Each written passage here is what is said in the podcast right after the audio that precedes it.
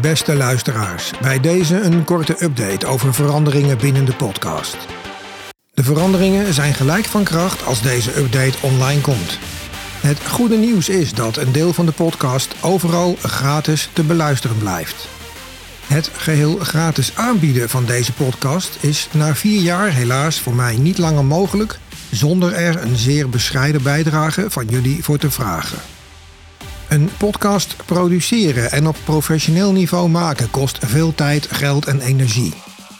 Als je mij hierin wilt steunen, dan kan dat via een anonieme en geheel discrete betaling van slechts 99 eurocent per maand. Dus je betaling is nooit te herleiden naar deze podcast, mocht dat voor jou belangrijk zijn.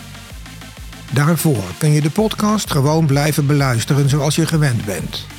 Dus alle afleveringen, ook de meest recente, zijn dan permanent voor jou toegankelijk. Uitsluitend via Spotify.